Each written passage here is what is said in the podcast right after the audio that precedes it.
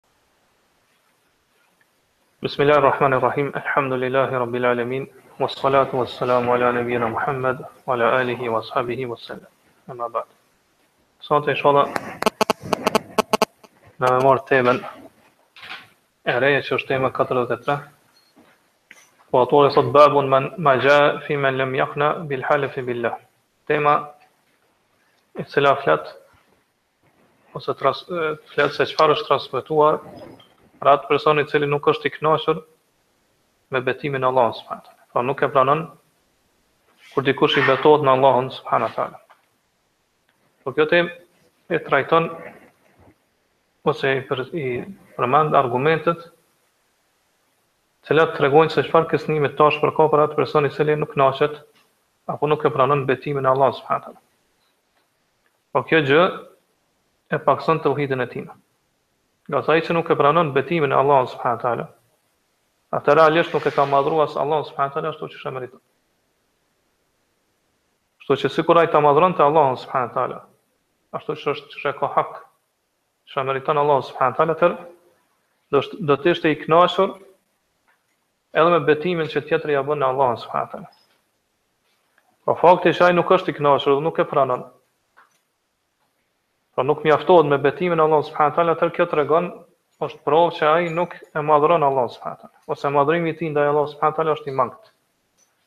E përderisa madhërimi i tij ndaj Allahut subhanahu teala është i mangët, atër kjo e mangëson edhe pakëson edhe teuhidin e tij.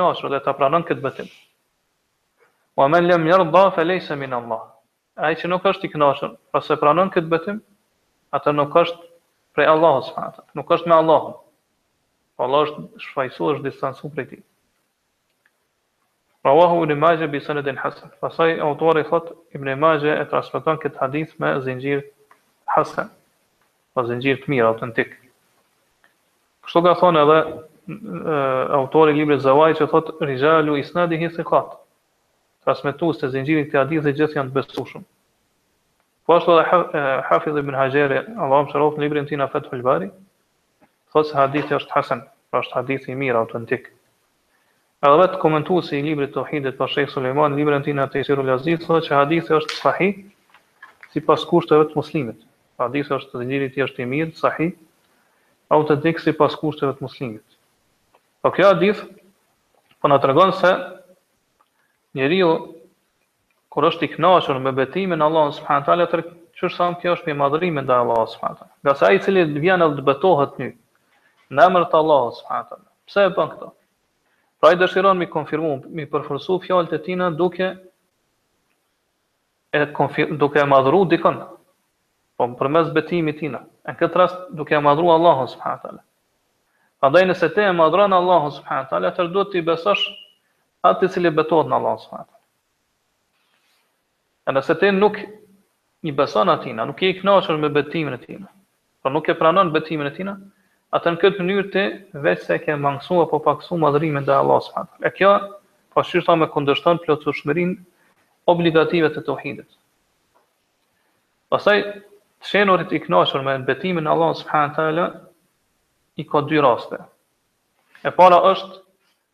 Kur kjo është nga aspekti sheriatik. Po në këtë rast i obligum me kanë i kënaqur me betimin ndaj Allahut subhanahu wa taala.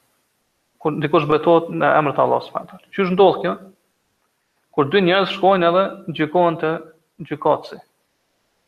Edhe gjykatësi Pra ai i cili e sjell akuzën, pretendimin, nuk sjell argumente, prova, për atë akuzën e tij. Atëherë ai, gjykatësi e urdhëron të akuzuarin me u betu në Allahun subhanahu wa taala. Këtë rast, pra ai e ka, i akuzuesi në këtë rast e ka obligim me kanë i kënaqur me pranu këtë betim që vjen prej të akuzuarit. Ngase këtë e kërkon gjykimi dhe vendimi sheriatik. Kështu ka thënë pejgamberi sallallahu alaihi wasallam. Rasti i dytë është nga aspekti i ndjenjave apo i shqisave. Pra, nëse ai i cili betohet është njeri i besueshëm, i cili e thotë vetëm të vërtetën, atëherë ti e ke obligim me kanë i kënaqur me, me pranu pra betimin e tij. Mirëpo nëse nuk është njeri i besueshëm, pra që i pranohet fjala, atëherë të lejohet me refuzu e mos me kanë i kënaqur me betimin e tij.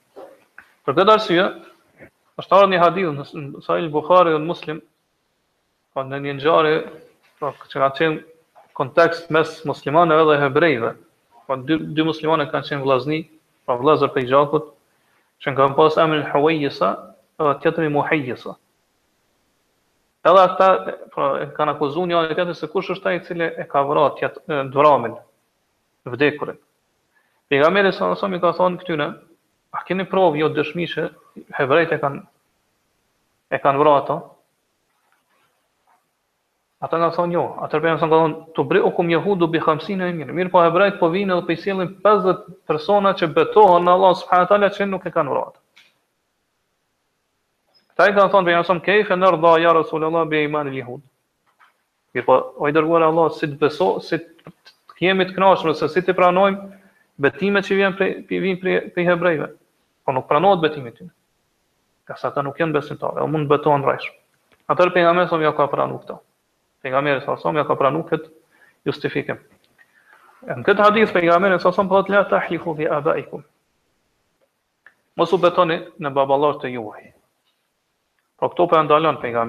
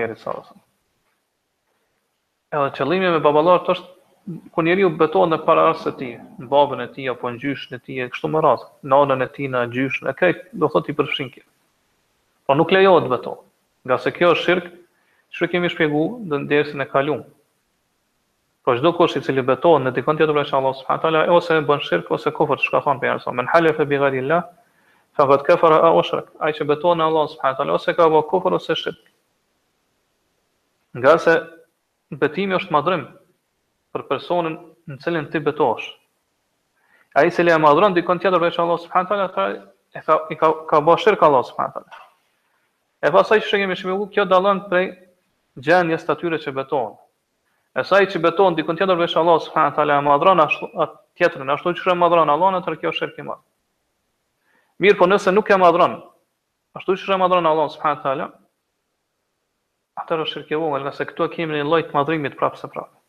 Edhe pse nuk e barazon tjetrin me Allahun subhanahu teala, mirëpo prapë kur betohen në tjetrin është një lloj madhrimi ndaj tij, prandaj është shirk i vogël. Edhe kur po e ndalon pejgamberi thotë la tahlifu bi abaikum, mos u betoni në baballarët e juaj, kjo nuk është çfarë kemi shpjeguar në dersin e kaluar vetëm e veçantë vetëm për baballarët. Mirëpo ndalohet betimi në çdo kënd tjetër veç Allahut subhanahu teala. Prej njerëzve. Po jo vetëm te baballarët. Po gjithashtu gjithashtu pra ndalohet mu betu në pejgamber të Allahut subhanahu taala, apo në Muhamedin sallallahu alaihi wasallam, apo njerëz të devotshëm, apo mu betu në, të thomë në Qaben, apo në vende të tjera.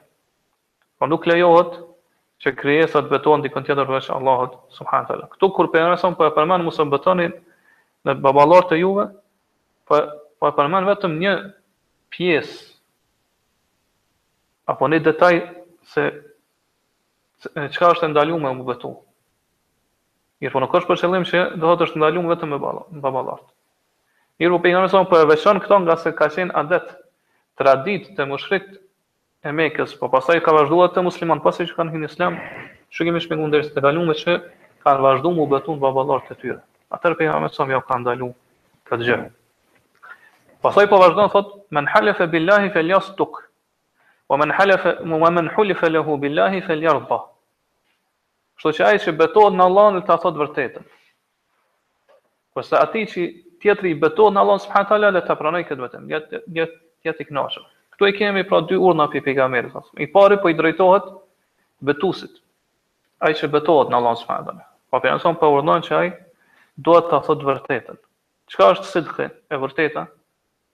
Pra me njoftu ose me sjellë një lajm që është në përputhje të plotë me realitetin. E kundra e kësaj është gënjeshtra apo rrena. Po me me me njoftu tjetrin me diçka që është kundërshtim me realitetin. Prandaj pejgamberi ka thonë men halafa billahi falyasduk. Ai që betohet në Allah le ta thotë të vërtetën, pra le të jetë i sinqert në betimin e tij.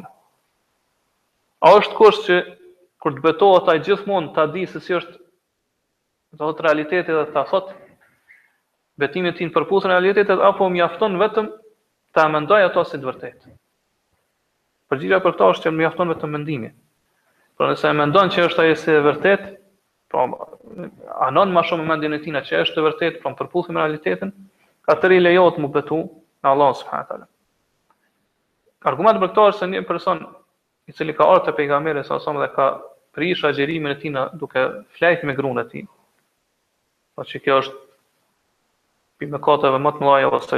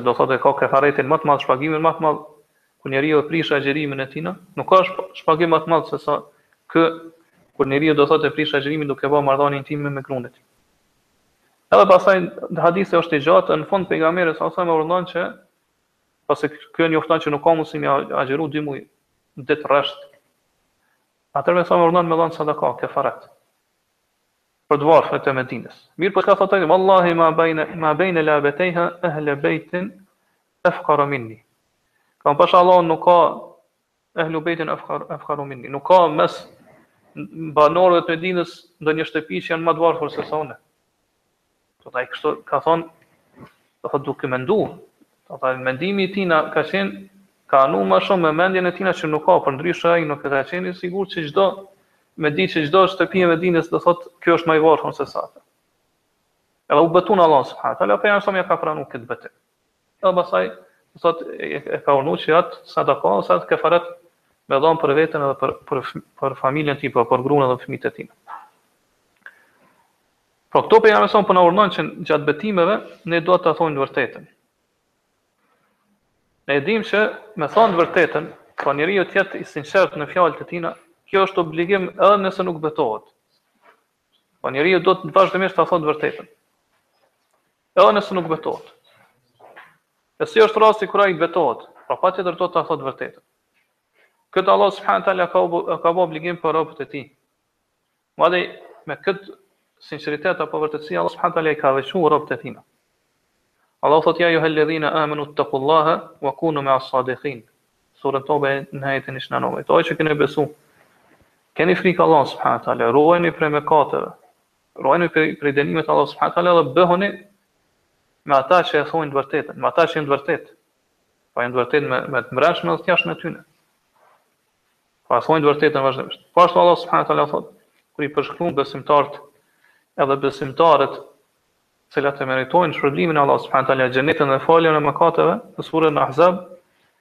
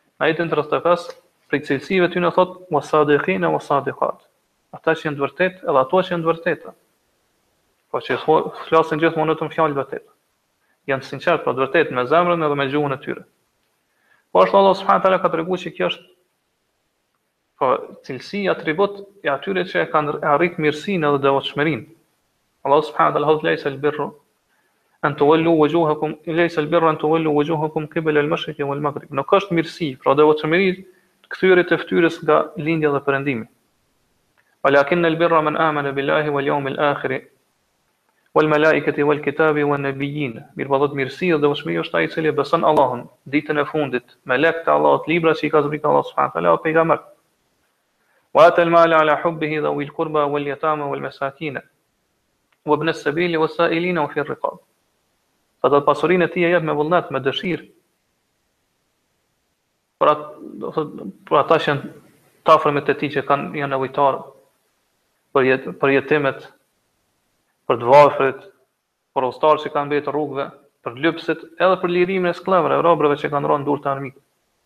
Ue ekame salate ue ate zekat, ata, ata që e falë namazin e japin zekatin. Uel mufune bi ahdihim idha ahedu, dhe ata që i përmbushin, i përmbajnë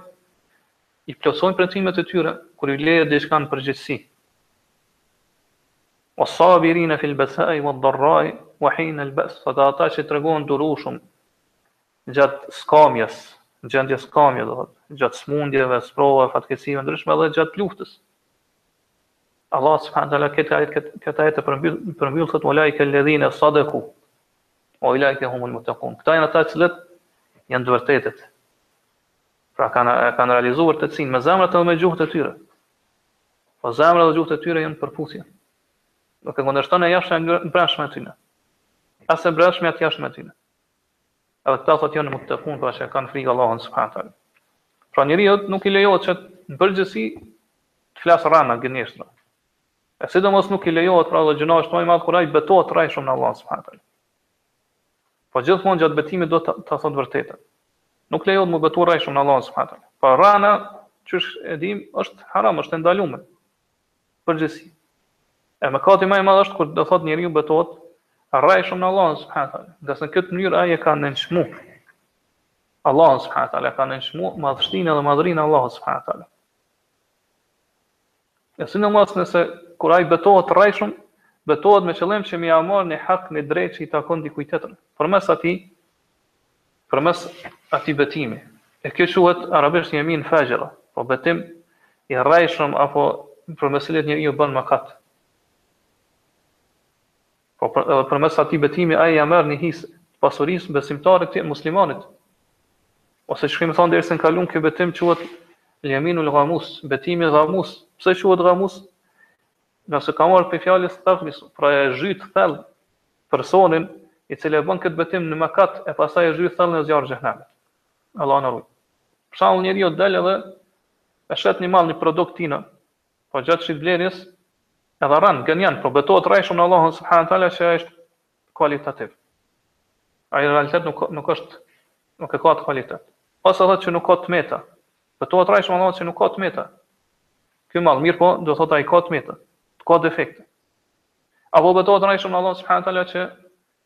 Vlera e këtij malli dhe çmimi i këtij malli është i këtillë po në krejt tregun.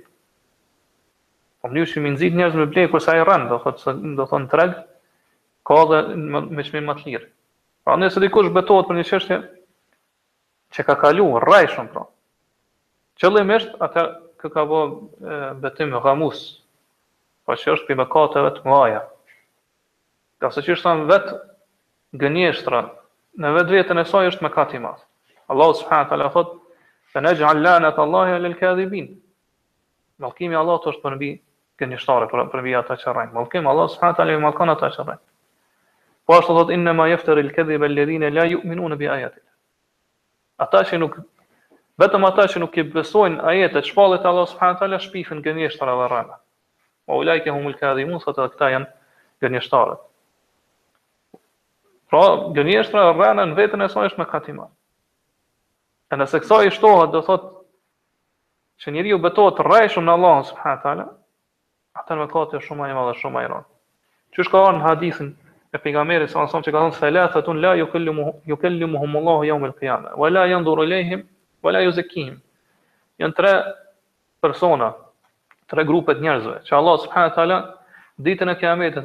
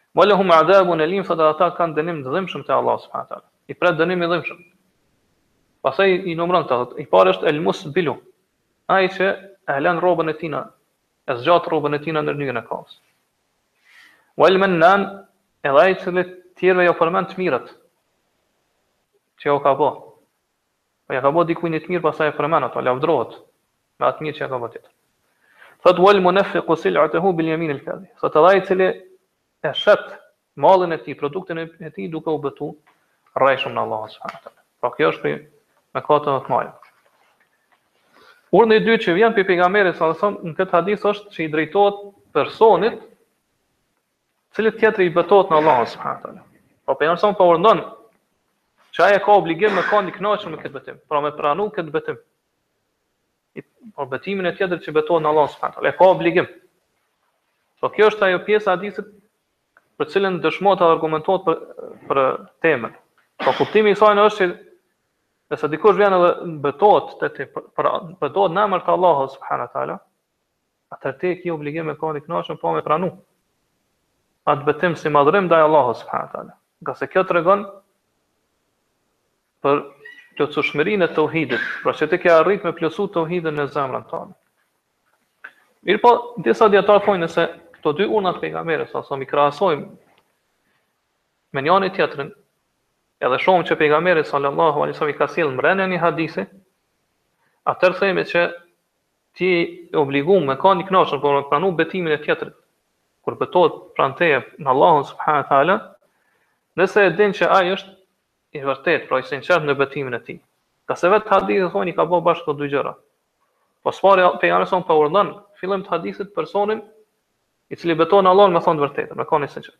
Pastaj në pjesën tjetër të hadithit po urdhnon personin të cilit tjetri vjen dhe i betohet në Allahun subhanahu wa taala me pranu këtë betim. Pra nëse është i sinqert edhe i vërtetë në atë betim e ke obligim me pranu betimin e tij. Me kanë i kënaqur me ato. Dikush mundet këtu me pyet me thonë po derisa është i vërtetë në fjalët e tina, pra gjithmonë e thotë të vërtetën është i sinqert, atëherë çfarë është e nevojshme e nevojshme që ai m'u betu, pra na ja pranojë na fjalët edhe pa u betu. Mirpo këta dietar thonë se betimi në këtë rast vjen vetëm për me konfirmu dhe me përforcu edhe ma shumë çështjen. Prej kësaj që e thamë deri tash, ne arrim në përfundim se Rreth këtij hadithi ose rreth kësaj teme janë tri mendime dijetarëve. Shumica e komentuesve të librit të Tauhidit, po edhe të këtij hadithi kanë thënë se kjo hadith apo kjo temë ka të bëj vetëm te ata të cilët kanë ngatërresa me njëri tjetrin. Kanë mospajtime dhe ngatërresa. Pra dy persona që kanë ngatërresa me njëri tjetrin, siç u shpjegu më lart, nëse njërit gjykatësi ja drejton Urdhrin që ai m'u betu në Allahun subhanahu wa taala, atëherë tjetri e ka obligim me pranu. Me kanë i kënaqur dhe me, me pranu atë betim. Pra nuk i lejohet me refuzu ato. Pra këtë temë apo këtë argument që autori e ka sjell në këtë në, në këtë temë, këta dietarët e kanë veçuar me çështjen e akuzave apo pretendimeve që njerëzit ja vojnë njëri tjetrit te gjykatësi, në gjykatë islame për shembull. Pra kur gjykatësi i drejtohet tjetrit e urdhëron m'u betu, që m'u shfajsu prej akuzës, atëherë do thotë akuzuesi e ka obligim me pranu me pranu atë betim. Kuptohet, kjo çështje vlen në rastet kur përmes kësajna nuk zhvlerësohet apo nuk asgjësohet një gjykim shariatik. Përkundazi, nëse gjykimi shariatik është se ai duhet dënohet me një Po ka dëshmi që ai e ka ka argumente sheriatike, prova sheriatike që ai e ka ba at mëkat. Edhe ai vjen tash dhe betohet për me përgënjeshtru ato, atë nuk i pranohet atij. Në vet këtë arsye ka ardhur në Sahih Buhari, Buhariut, pejgamberi sa sa ka thon që kur Isa alayhis salam e ka pa një person duke vjedh, i ka thon serekt, do thon vjedhe, të pash duke vjedh.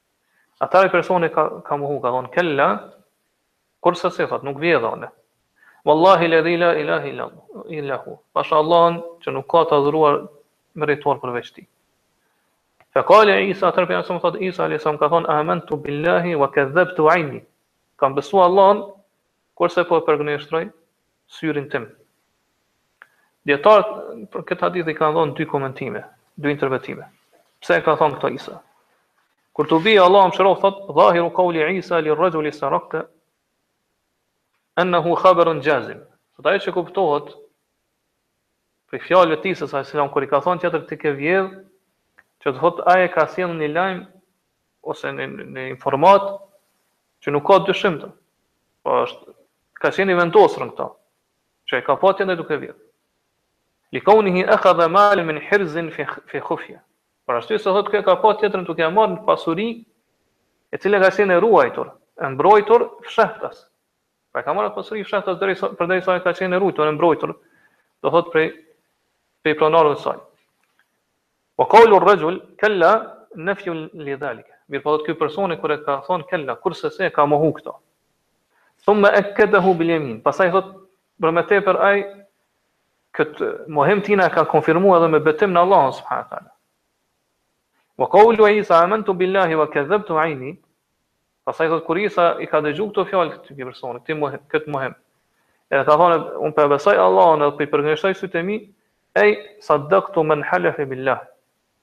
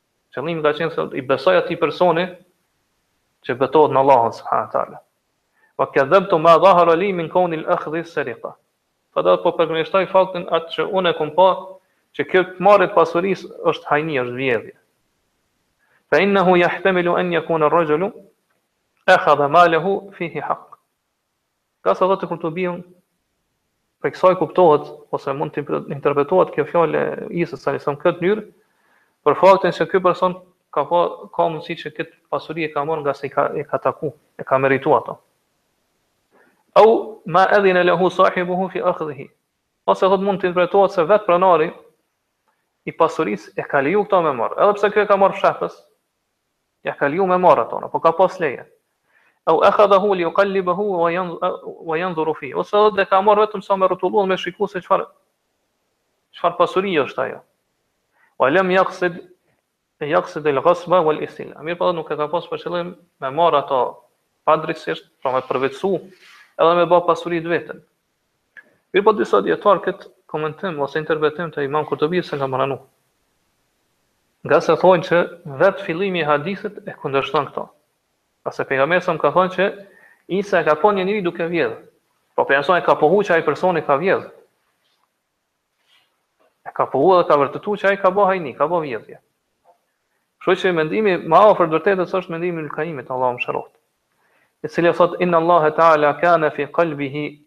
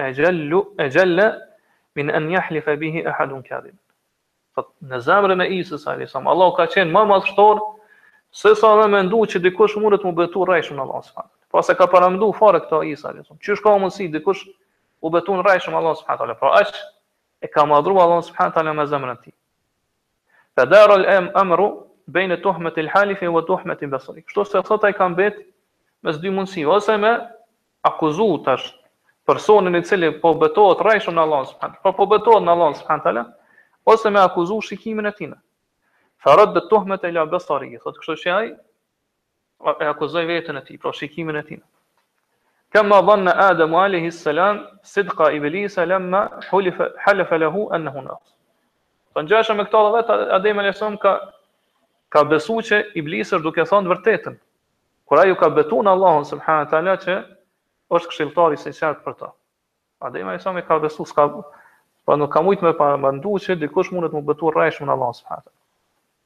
Po ky mendim që thamë është më afër vërtetës, edhe është më i saktë inshallah.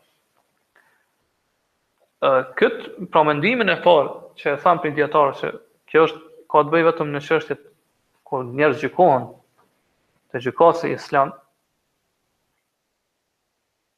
Komentuesi i librit të Tauhidit, Shejh Sulejmani, Allahu e mëshiroftë, në librin e tij në Tejsir Aziz, thotë që mu, mu më është përcjellë që edhe vetë autori e ka pas këtë mendim. Edhe autori e ka pas këtë mendim.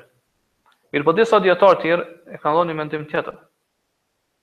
E kanë thonë që hadithi është i përgjithshëm për çdo betim. Pavarësisht a a a betohet tjetri, po vjen te tjetri betohet në emër të Allahut subhanahu teala, kur është çështja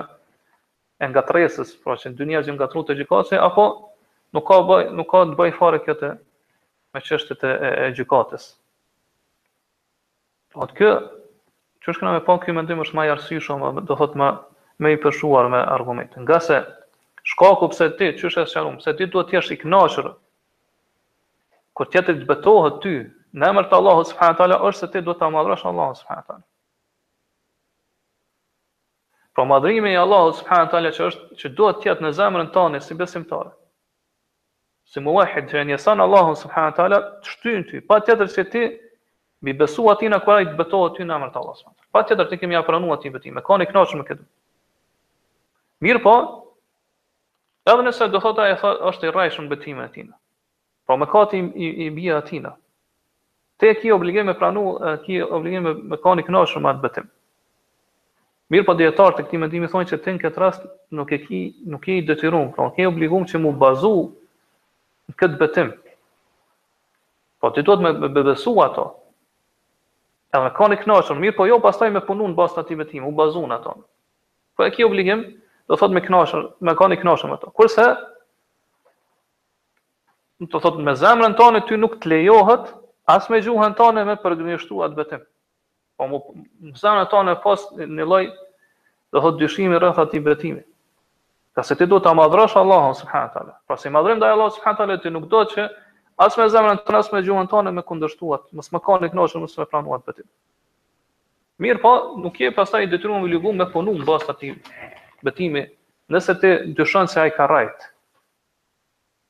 Pra teuhidi jot edhe madhërimi jot ndaj Allahut subhanahu teala, të shtyn ty që me kanë i knaqun me atë betim. Kurse, gënjeshtra pasaj, ose rrena dhe mëkati i rrenës i mbetet atij i cili, mund të supozohet që është betu rrejshëm në Allah subhanahu teala. Mendimi i tretë i dietarëve kësaj teme ose rreth këtij hadithi është se thonë siç e përmendëm më lart Është se thotë, thonë kjo kthehet te personi. Nëse ne e dimë që personi gjithmonë betohet do thotë sinqert, sinqerisht. Do thotë gjithmonë betimet e tij janë të sinqerta, do gjithmonë e thotë të vërtetën. Atëherë e ke obligim me pranu. Përndryshe nëse ai është njeri mëkatar, fasik, gjynahqar që i ka tejkalu kufijtë e Allahut subhanahu nuk e ka gajle, s'e ka problem Po nuk i kushton vëmendje fare edhe nëse betohet rrejshëm në Allahun subhanu teala, atëherë këta dijetarë thonë ti nuk e ke obligim me me i besu atij. A as me kanë i kënaqur me me betimin e tij. Nga se thonë në këtë rast po, mm, kur është që rrethanat e këtilla, është personi i këtill. Mi besu këtij personi. Po përderisa ti je i bindur që ai është duke u betuar rrejshëm. Apo ka faktorë të përgjithshëm që e provojnë se ai është duke u betuar rrejshëm. Atëherë thotë, kjo gjendje ose ky rast nuk hyn në hadithin e pejgamberit sa. Qysh e sqaruam më lart nga se pejgamberi sa i ka ndërlidh këto dy gjëra, fillimin edhe fundin e hadithit. Po ai që betohet në Allah le ta thotë vërtetën. E atij që tjetër, tjetër i betohet në Allah le ta e ka obligim pra, me kanë i kënaqur edhe me pranu atë betim.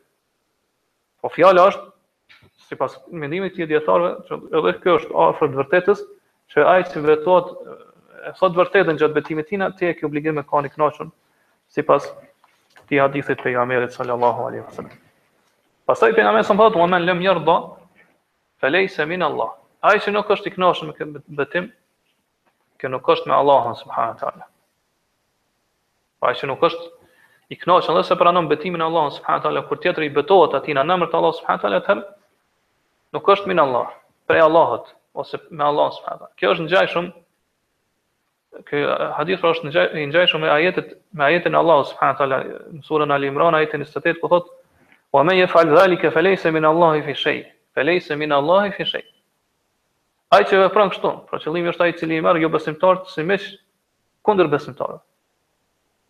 Pra miqësohet me ta bën aleancë aleancë me ta kundër besimtarëve. Pra atë atëherë ky nuk është me Allahun subhanahu wa taala në asgjë.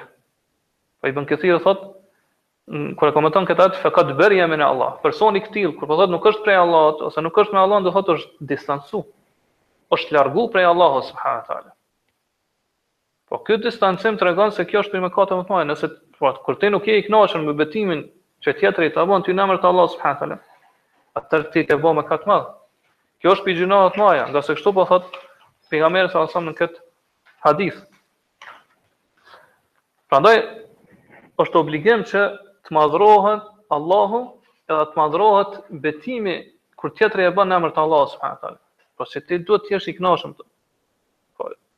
Pavarësisht a ka të bëjë kjo me armiqësinë ngatërresat që janë mes njerëzve, mospajtimet te gjykatësi, apo nëse themi edhe te shfajësimet apo justifikimet që ne muslimanët ja bëjnë njëri tjetrit.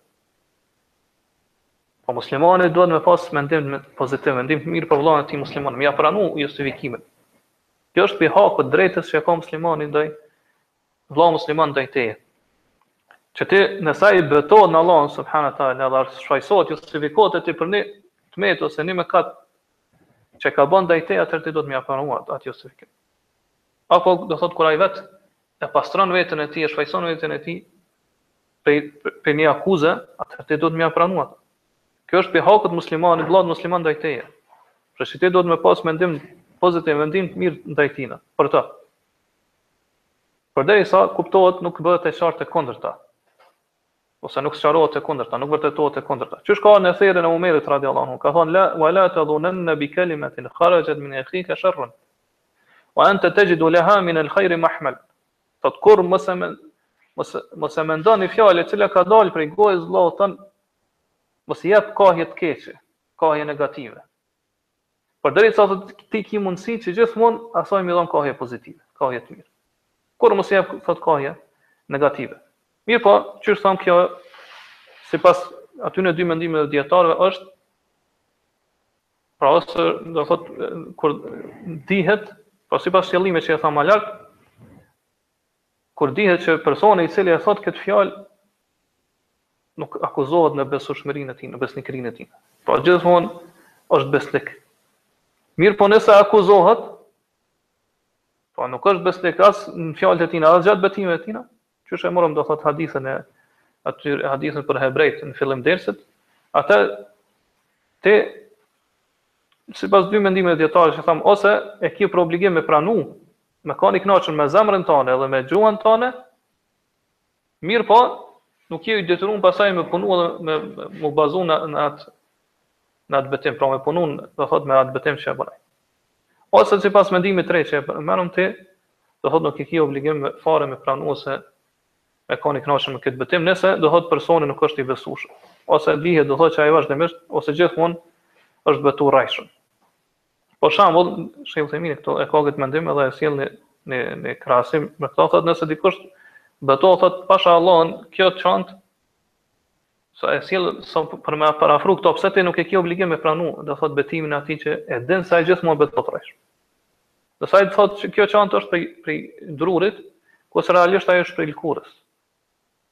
Thotë atëherë ti këtu nuk nuk e ke obligim që madje thotë edhe nuk lejohet me pranu betimin e tina, edhe me kanë i kënaqur. Përderisa ti je i bindur që ai është duke thon rrënën, duke, duke u betu rrejshëm. Andaj thot shëriati nuk e urdhëron njeriun, do thot me një gjë që vjen në kundërshtim me realitetin, të vërtetën edhe me me ndjenjat, pra me shqisët.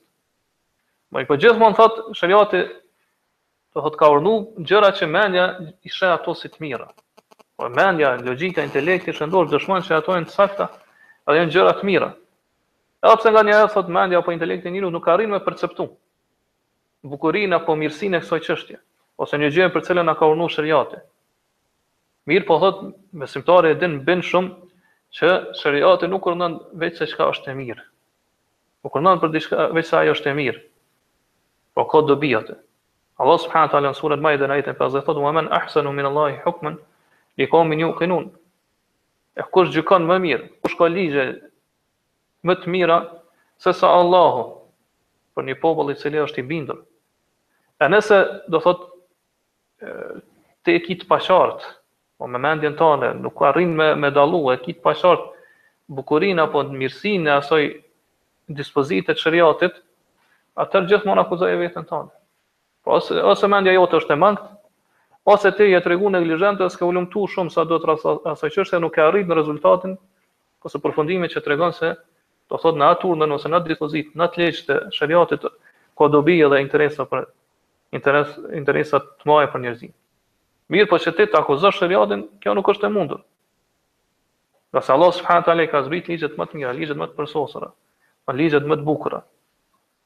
Çdo gjë që është saktësu, do të thotë prej Allah subhanahu wa taala dhe pejgamberit s.a.s. është e vërtetë. Edhe është do të thotë janë ligjet, dispozitat më të mira. Po çu është pa këtë komentuesit e këtij hadithi apo kësaj teme librit të teuhidit janë do thot kanë mëdyshje e vërtet nuk mund nuk janë do thot bindur se çka ka qenë qëllimi i autorit kur e ka sjell këtë temë edhe pse ajo që shihet dukshëm prej do thot qëllimit të autorit kur e ka sjell këtë temë pas temës paraprake është se autori ka sjell këtë temë për të treguar se njeriu ka obligim me madhru Allahun subhanahu teala. Po në temën para kësaj autori siç e thamë dhe në fillim dersit ka sjell temën që njeriu ka të ndalume të betohet në dikënd tjetër përveç Allahut subhanahu teala. A nëse betohet në dikënd tjetër përveç Allahut subhanahu teala është mushrik.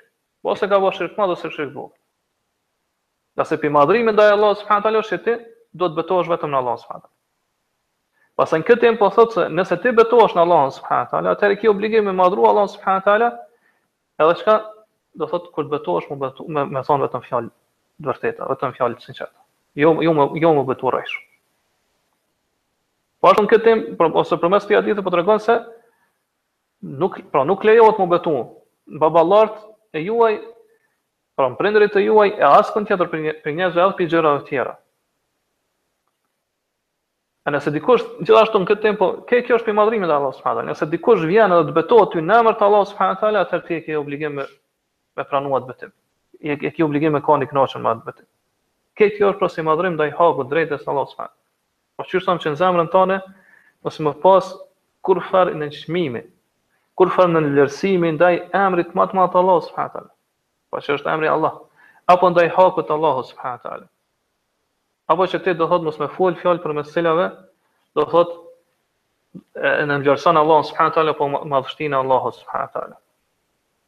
Kjo nuk lejohet.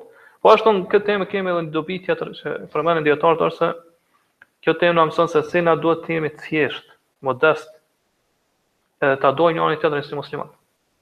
Po gjithmonë do thotë veprojmë gjëra përmes cilave e arrijmë unitetin, po m'u bashku me njëri tjetrin.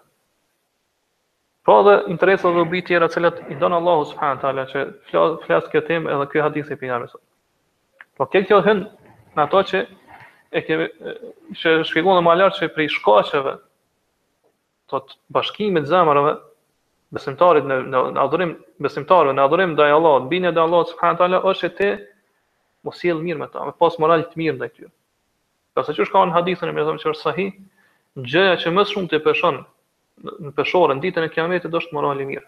Taqwa Allahi wa husnul khuluq. Frika ndaj Allahut subhanahu wa taala menjëherë krahas kësaj ose bashkë me të Allah, pejgamberi s.a.s. e ka përmend edhe sjelljen e mirë, moralin e mirë. Prandaj ti si besimtar do thot po qe ia don të mirën vetes tënde. Po çdo kush ia don të mirën vetes tij. Është i sinqert me veten e tij, dëshiron që veten e tij me pa, do thonë në gjendjen më të mirë. Duhet me meditu thell rreth kësaj. Po me, me meditu cilat janë ato gjëra që e përmirsojnë ato, raportin e tij me Allahun, pra duke i kry obligimet, drejta ndaj Allahut subhanahu taala, edhe nëse është puna te te fjalët, te shprehjet, atë duhet ta madhrosh Allahun subhanahu taala.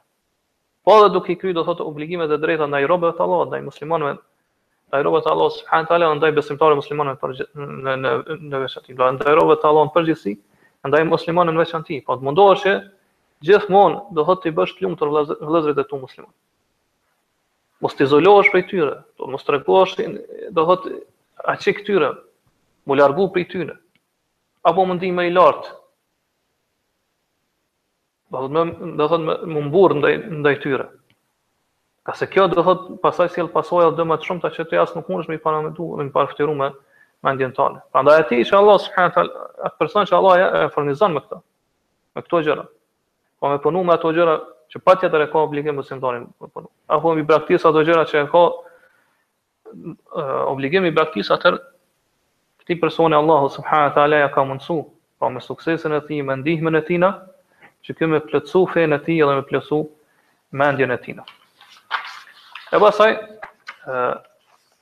autori si, si zakonisht në fund temës i sjell edhe çështje që përfiton prej asaj teme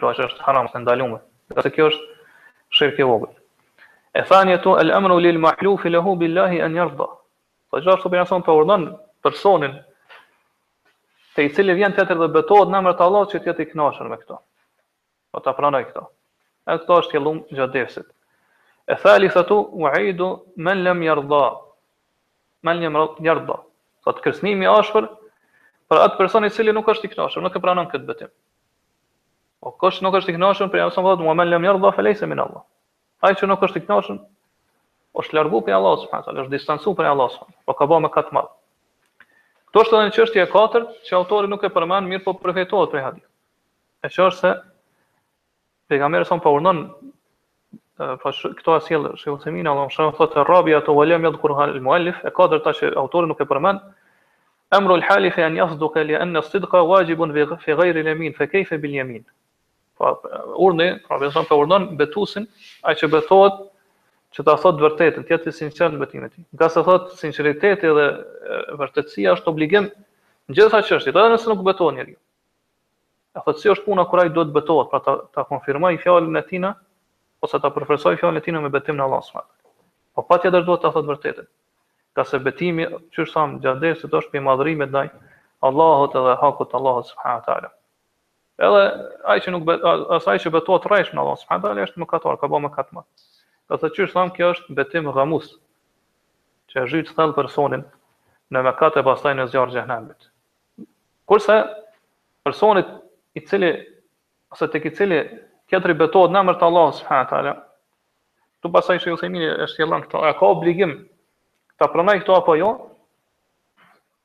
Po sipas mendimit shumë të mirë që thamë se varet pi personit a është i vërtetë në fjalët e tina apo jo, ai sjell do thotë pes raste.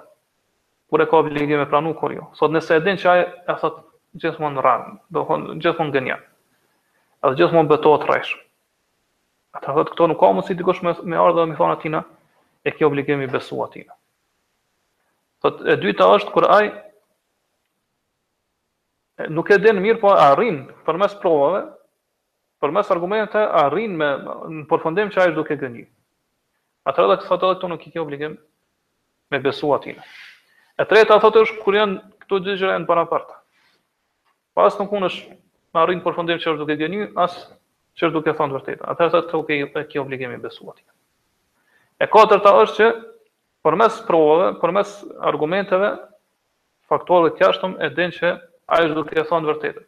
Atëherë thotë edhe këtu e ke obligim me besu edhe thotë e pesta po kur ti veç se e din që personi gjithmonë e thot vetëm të vërtetën, kurrë nuk gënjen, kurrë nuk rren dhe kurrë nuk betohet rrejshëm, atëherë thot edhe këtu pa dyshim që e ke obligim me i besu. Thot kjo ka të bëjë vetëm me çështjet që thon që janë mes njerëzve, pra çështjet e dynjas mes njerëzve. Por ata i betohen njani tjetrit, për me justifiku e kështu me radhë. Në po çështjet e kësaj jete. Mirëpo edhe në çështjet e sheriatit, po siç e thamë edhe gjatë dersit, kur dy njerëz gjykohen te, te kadia, te gjykatësi islam, atëherë thot, personi ka për obligim me kanë i knaqur me pranu at betim edhe me, me vepru n'bazë t'atij betimi. Por nuk i lejohet me refuzu atë. Ngase ti e ke obligim me kanë i kënaqur me vendimin, gjykimin sheriatik. Nuk t'lejohet pra me refuzu atë. Po prej kësaj pra shohim që do thot betimi në Allah subhanahu wa taala apo pranimi i betimit në Allah subhanahu wa taala është prej madhërimit të pozitës të Zotit Allahu subhanahu wa taala. Pra që ti të kesh besim të plot në Allahun në të cilin po betohet tjetri. Po nuk lejohet që përmes betimit të nënçmohet të nënvlerësohet Allahu subhanahu taala dhe pozita e tij. As prej personit i cili betohet, as prej personit që tek i cili betohet tjetri. Po është obligim prej dy palëve, prej dy anëve me madhru Allahun subhanahu taala përmes betimit të tij. Kjo është prej drejtave, prej hakut të tauhidit. Edhe mosrealizimi i kësaj është prej mangësimit të tauhidit. Po pra mangësohet plotësueshmëria obligative e tauhidit. Edhe këtu do thot përfundon kjo temë, e inshallah në derset tona mas Ramazanit do të vazhdojmë me temën e radhës, që është tema 44, ku autori thot babun Kaulu ma sha Allah wa shit, tema që flet për fjalë ose për fjalën e personit kur thot çfarë deshte Allahu dhe çfarë deshte ti.